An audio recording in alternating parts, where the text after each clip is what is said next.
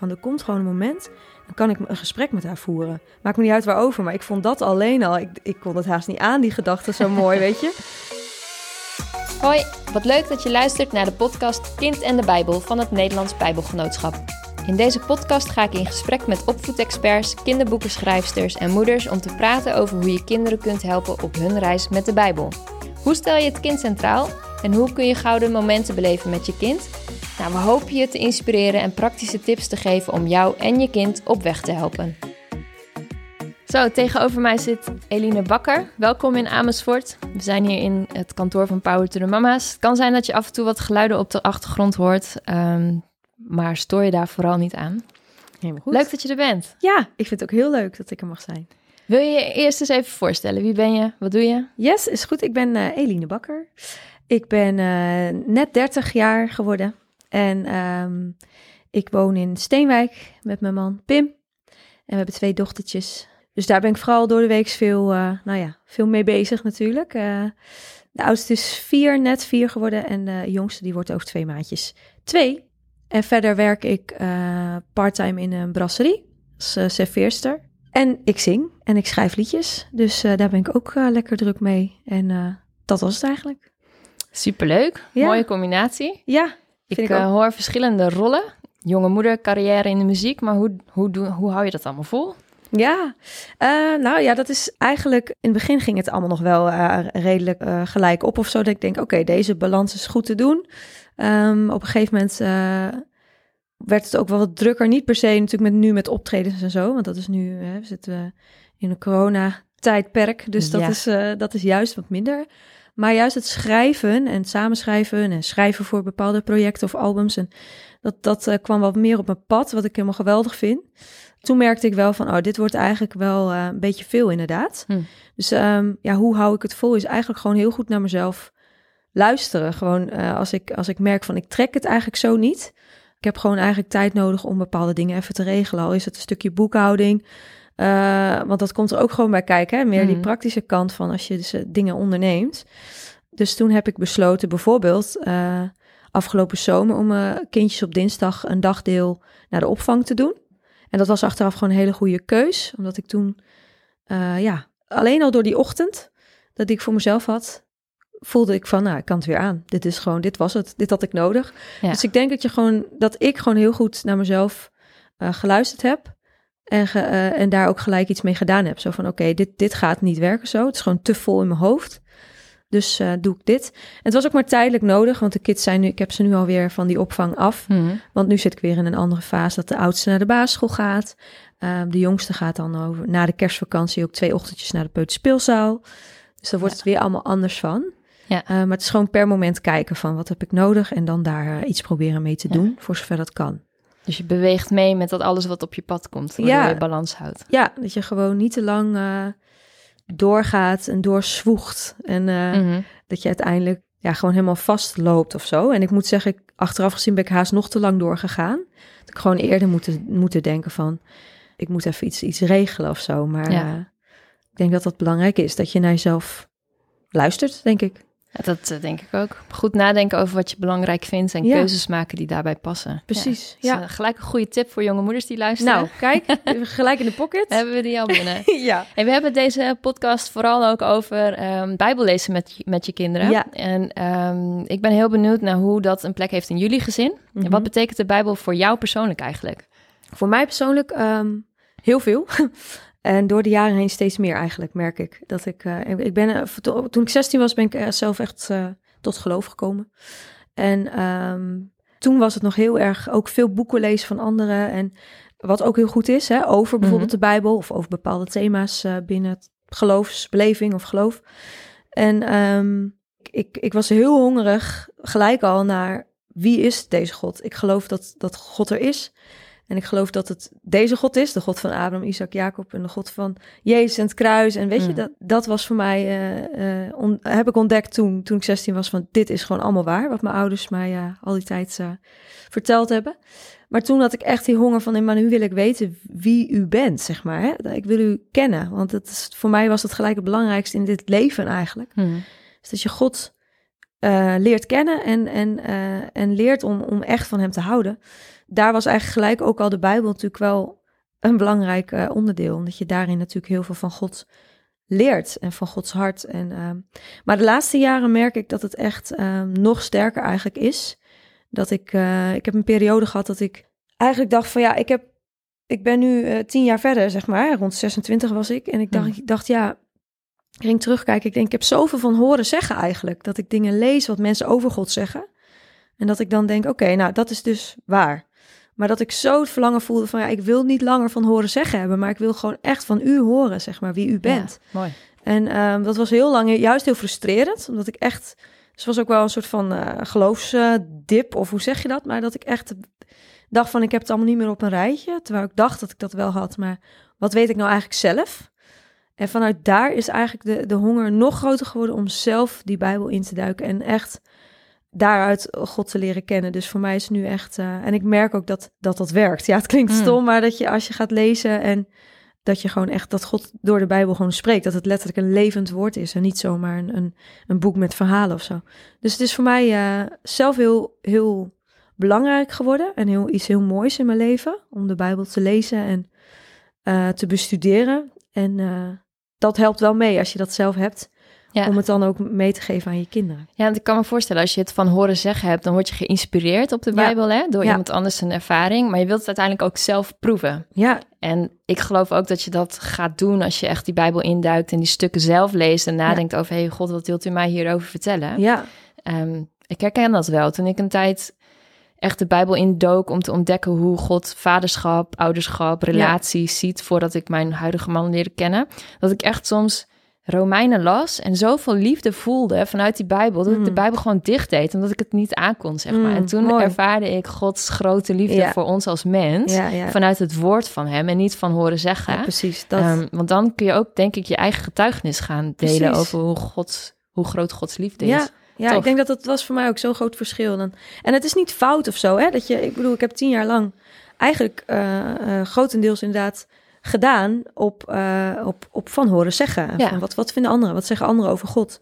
En ik denk dat dat eh, mooi is, dat het een goede basis kan zijn. Maar Ja. zelfs Jezus zegt uiteindelijk hè, tegen, tegen Petrus van, maar wie zeg jij dat ik ben? Weet Ja. je? Dus dat God, het, dat God het ook belangrijk vindt van, ehm, oké, die zegt dit, die zegt dat, maar wat zeg jij? En wa- Ja. wa- wat, wat heb jij van mij al geleerd? Dus dat is, ehm, ja, en dat kun je zelf ook niet bewerken. Ik denk Nee. echt dat, dat eh, it takes God to love God, eh, vind ik een hele mooie uitspraak van, je kan zelf niet zo van, oké, maar dan ga ik nu de Bijbel lezen, want dat heb ik allemaal al wel geprobeerd.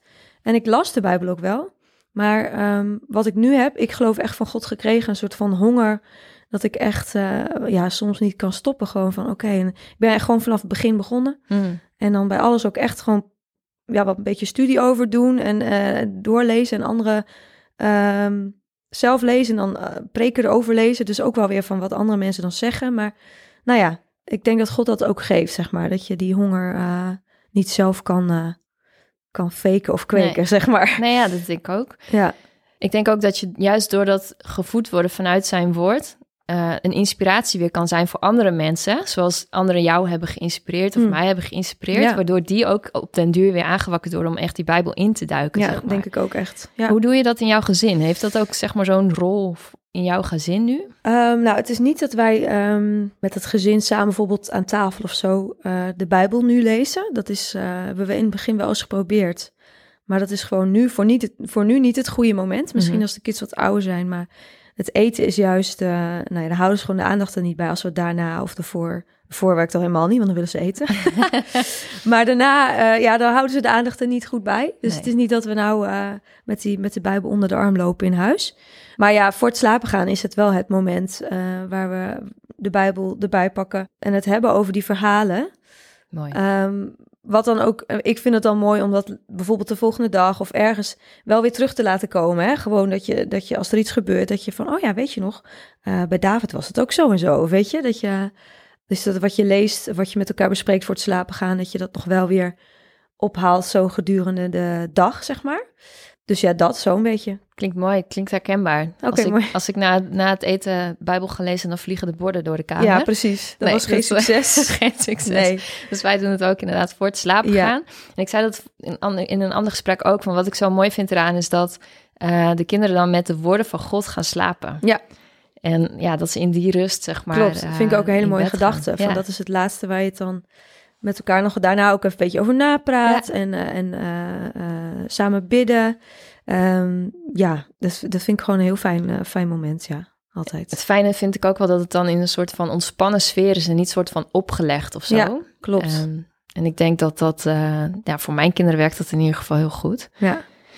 Tof. Nou, het Nederlands Bijbelgenootschap heeft het gratis magazine Goud uitgebracht. Eh, daar sta je ook in. Daar Yes. vertel je ook hè, dat je elke dag afsluit met gebed en een lied. Ja. Maar wat maakt dat nou echt een belangrijk moment voor je? Wat is voor jou het gouden momentje daarin? Ehm, nou, inderdaad, het is omdat het dan eh, voor het slapen gaan is, dat, dan, zijn ze, dan liggen ze rustig. En ja, ik merk wel dat ze echt eh, de aandacht ervoor hebben. En ik vind het gewoon heerlijk. Kijk, het is soms overdag lastig om... om eh, kijk, met Romy, die is nog ineens twee. Mhm. hè, dus dan heb je sowieso nog niet een volwaardig gesprek. Wel hele schattige, leuke, kleine gesprekjes. Maar nog niet zo van, goh, wat vind jij eigenlijk van de Bijbel of zo? Maar... eh, Niet, hè? nee, nee, toch niet. Maar met Liva kan je eigenlijk wel het, hè? Die is nu vier en die, die is echt zo'n denker en die denkt veel over dingen na. En, ehm, maar overdag is het soms moeilijk om, om even die rust te vinden, om ook überhaupt met elkaar rustig te praten. Want dan is er allerlei afle afleiding en ruis en weet ik wat. Dus ik vind het gouden moment eraan dat je gewoon echt even één op één kan doorpraten. Dat ze de tijd ook voor zichzelf heeft. Als ik dan een vraag stel, dan zie je haar denken, weet je. En dan is er ook geen haast. Zo van, nou, hup, eh, zeg het. Maar dan, soms moet ze echt, dan denkt ze erover na en dan gaat er van alles in het kopje rond en dan geeft ze antwoord en dat je gewoon rustig het erover hebt. Dat vind ik gewoon, überhaupt is dat natuurlijk heerlijk om met je kind zo te kunnen praten. Ja, Ja. ik weet nog dat toen ze dreumes was, dat ik me da- bedacht van, er komt gewoon een moment, dan kan ik een gesprek met haar voeren. Maakt me niet uit waarover, maar ik vond dat alleen al, ik, ik kon het haast niet aan, die gedachte zo mooi, weet je. En nu is dat al zo. En als je dan ook nog over God hebt en ja, ik vind het helemaal, helemaal mooi inderdaad. Gewoon s'avonds, het is nu dan al donker, weet je. Het is gewoon een rustgevend, een rustgevend intiem sfeertje. Mm. En eh, om dan s'avonds, ja, dat samen te beleven is gewoon, eh, vind ik echt heel, heel kostbaar. Zegt ze wel eens wat wat jou verwondert?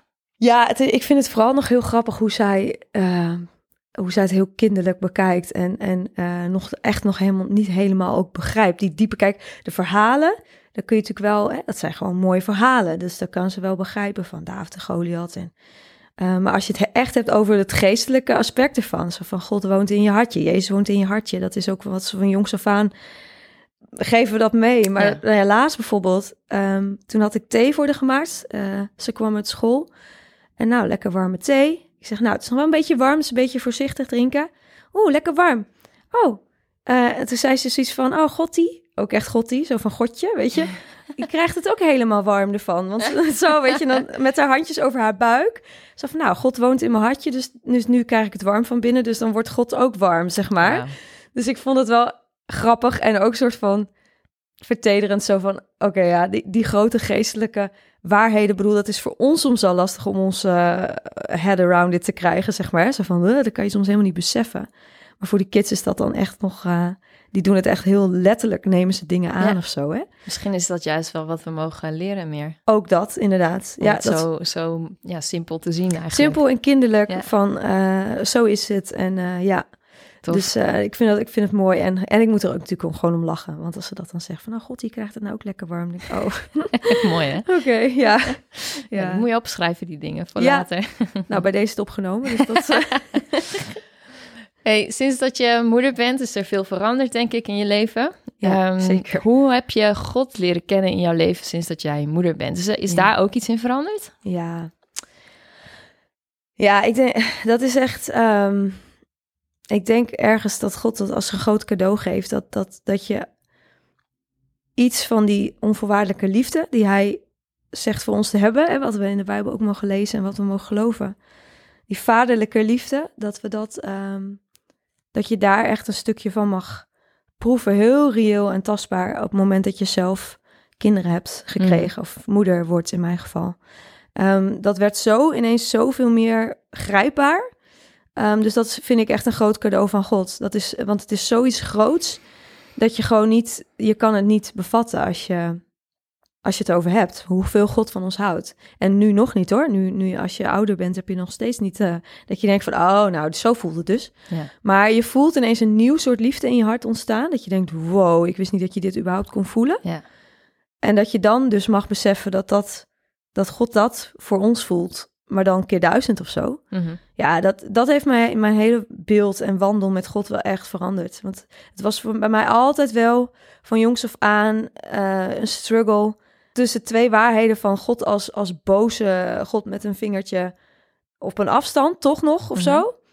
En elke keer mezelf weer van moeten overtuigen of, of moeten zo van nee, maar zo bent u niet. U bent een liefhebbende vader. U, u staat dichtbij, weet je. U, u geniet van mij. U, u, u eh, vindt vreugde in mij. Al die dingen, dat probeer ik mezelf al wel eh, voor te houden, voordat ik moeder werd. Maar het werd een stukje makkelijker toen ik moeder werd, omdat ik dacht van ja, maar oké, u vindt vreugde in mij, zeg maar. U, u verheugt zich over Mhm. mij.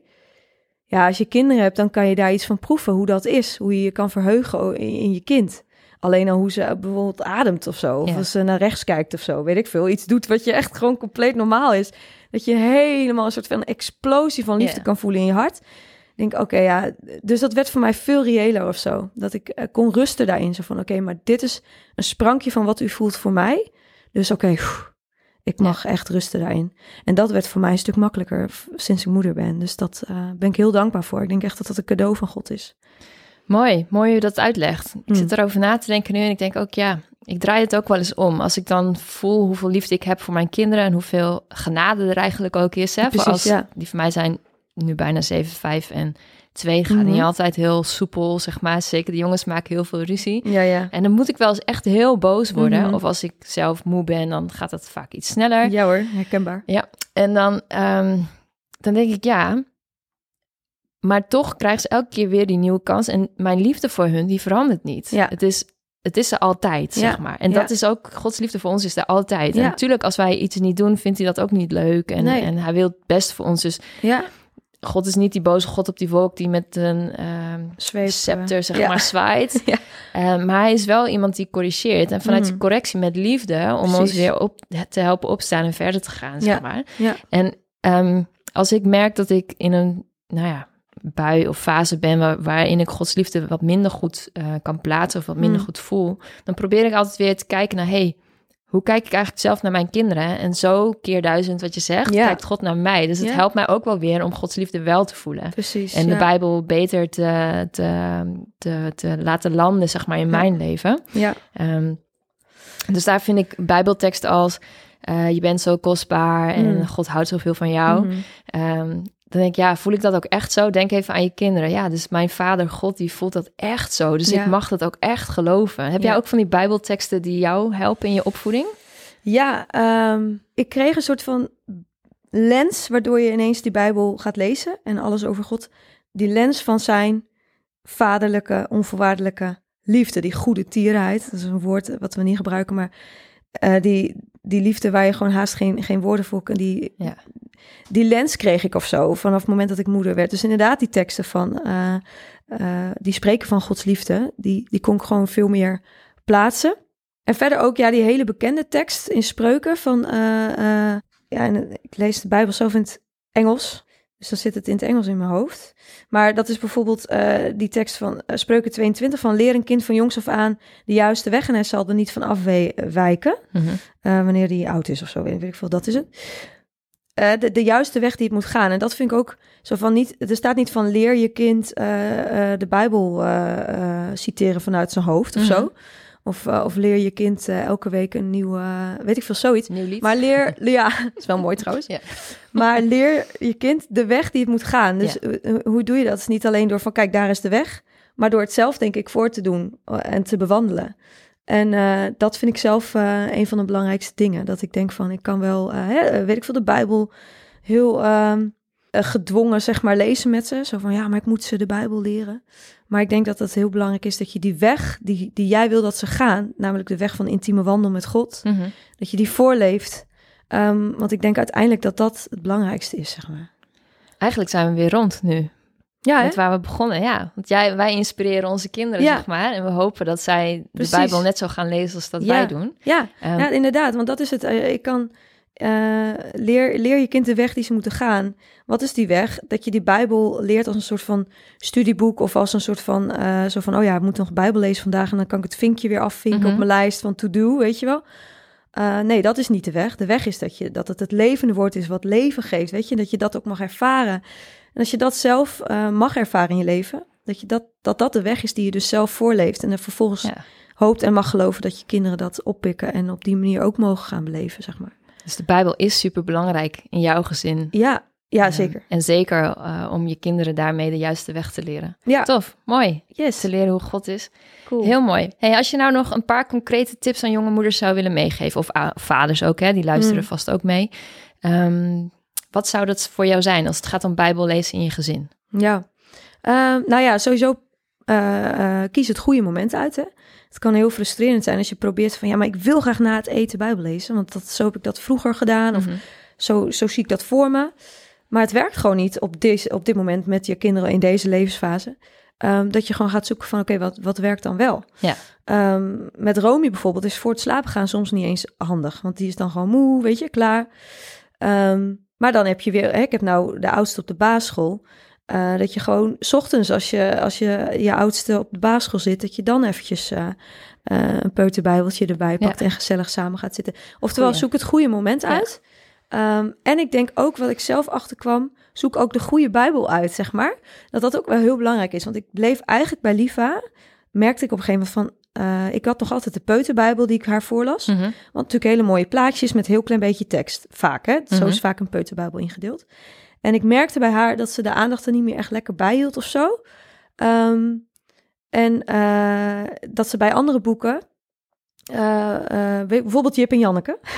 maar wat echt hele verhalen zijn, hè, met minder plaatjes. Ja. Dat ze dat helemaal fantastisch begon te vinden. Want ze gaat helemaal in dat verhaal op. Ze had die uitdaging nodig, zeg maar. Ja, ja. en toen dacht ik, oh ja, ik moet even een andere Bijbel in huis halen. Want Ja, dit cool. is eigenlijk niet meer haar, haar perfecte manier van voorlezen. Dus dat je echt een kleuterbijbel in huis had waar je echt meer een langer verhaal leest. Wat meer op haar, uh, haar belevingswereld inspeelt. Dus ik denk dat dat ook misschien een tip is. Dat je, dat je, dat je goed kijkt van, hé, hey, wat lees ik eigenlijk voor? Mhm. Mm -hmm. En past het eigenlijk wel bij wat het kind op dit moment aan kan of zo? Dus dat is nog uh, ook iets wat ik mee zou geven. Ja. En verder, um, ja, ik zou willen meegeven om het echt in de praktijk te brengen. In de zin van, maak het gewoon praktisch en behapbaar voor, voor je kind. Nou ja, ik las laatst het verhaal uh, wat in, zo, in uh, die uh, samenleesbijbel stond. Ja. Over David, die dan de psalmen schrijft. En dat is natuurlijk leuk, want ik schrijf ook liedjes. Mm -hmm. Dus ik kon dat ook zo zeggen van, Ja. mama schrijft ook liedjes, hè. Want dan weet Liva wel, onze oudste. En zo kon ik het heel erg voor haar heel behapbaar maken. Van, Ja. oh ja, oh, dat David deed dat ook, wat mama ook doet, weet je. Nou ja, nu kan niet iedereen dat natuurlijk zeggen. Nee. Maar vervolgens, um, het, uh, het Bijbelverhaal ging erover dat David zijn harp pakte. En uh, dan ging hij een psalm schrijven met zijn harp erbij. En toen dacht ik, oh, ik pak eventjes uh, met, met, met Spotify um, instrumentale harpmuziek erbij. Gewoon s'avonds zachtjes, want Romy sliep al. Uh, ik zeg, kijk, hij ging harp spelen. Dus ik zo, klik de harpmuziek aan. Nou, dan hoor je prachtige harpmuziek. Mm. En toen ging ik het, het liedje zo van, en hij schreef dit, weet je. En dan, nou, ze zat helemaal van... Je zag echt kijken van, wow, dit, alsof het een soort van voorstelling was in het theater, bij wijze Ja, van. precies. Zo keek ze me naar me. En uh, ik dacht van, ja, dit, dat zou ik ook willen meegeven. Maak het uh, niet alleen van, nou, dit is je verhaal voor vandaag. Maar ik zoek altijd naar manieren van, hoe maak ik dat Concreet. concreet Ja. en, en uh, ja, hoe pas, dat toepasbaar voor haar in haar leven. Ja. Dat ze dingen begrijpt en op kan pakken. Dus kies het goede moment. Ja, Kies de juiste Bijbel en maak het, maak het praktisch en concreet voor Ja. je kind. Zodat ze voor kan begrijpen in haar belevingswereld. Precies. Tof. Dat denk ik. Dan zijn we bij het einde van deze podcast. Dankjewel. Nou, heel graag gedaan. Ik vond het gezellig. Ja, ik vond het ook heel gezellig. En even over die uh, verschillende Bijbels. Ja. Um, als je het magazine Goud aanvraagt, dat kan gratis via www.bijbelgenootschap/goud. Dan staan er ook vijf voorbeelden van uh, kinderbijbels in. Dus dan kan je een beetje proeven aan uh, wat voor verschillen er zijn. Dus misschien nog een leuke tip voor degenen die luisteren en denken... ja, wat, uh, hoe, is hoe ga ik dat eens even ja. doen? Ja. ja, het is echt heel fijn als je even een stukje alvast kan, kan lezen. Precies. Ja. Super, dankjewel. Graag gedaan. Vond je deze podcast nou leuk om te luisteren? Abonneer je dan op dit kanaal. Dan krijg je een melding als de volgende podcast online staat.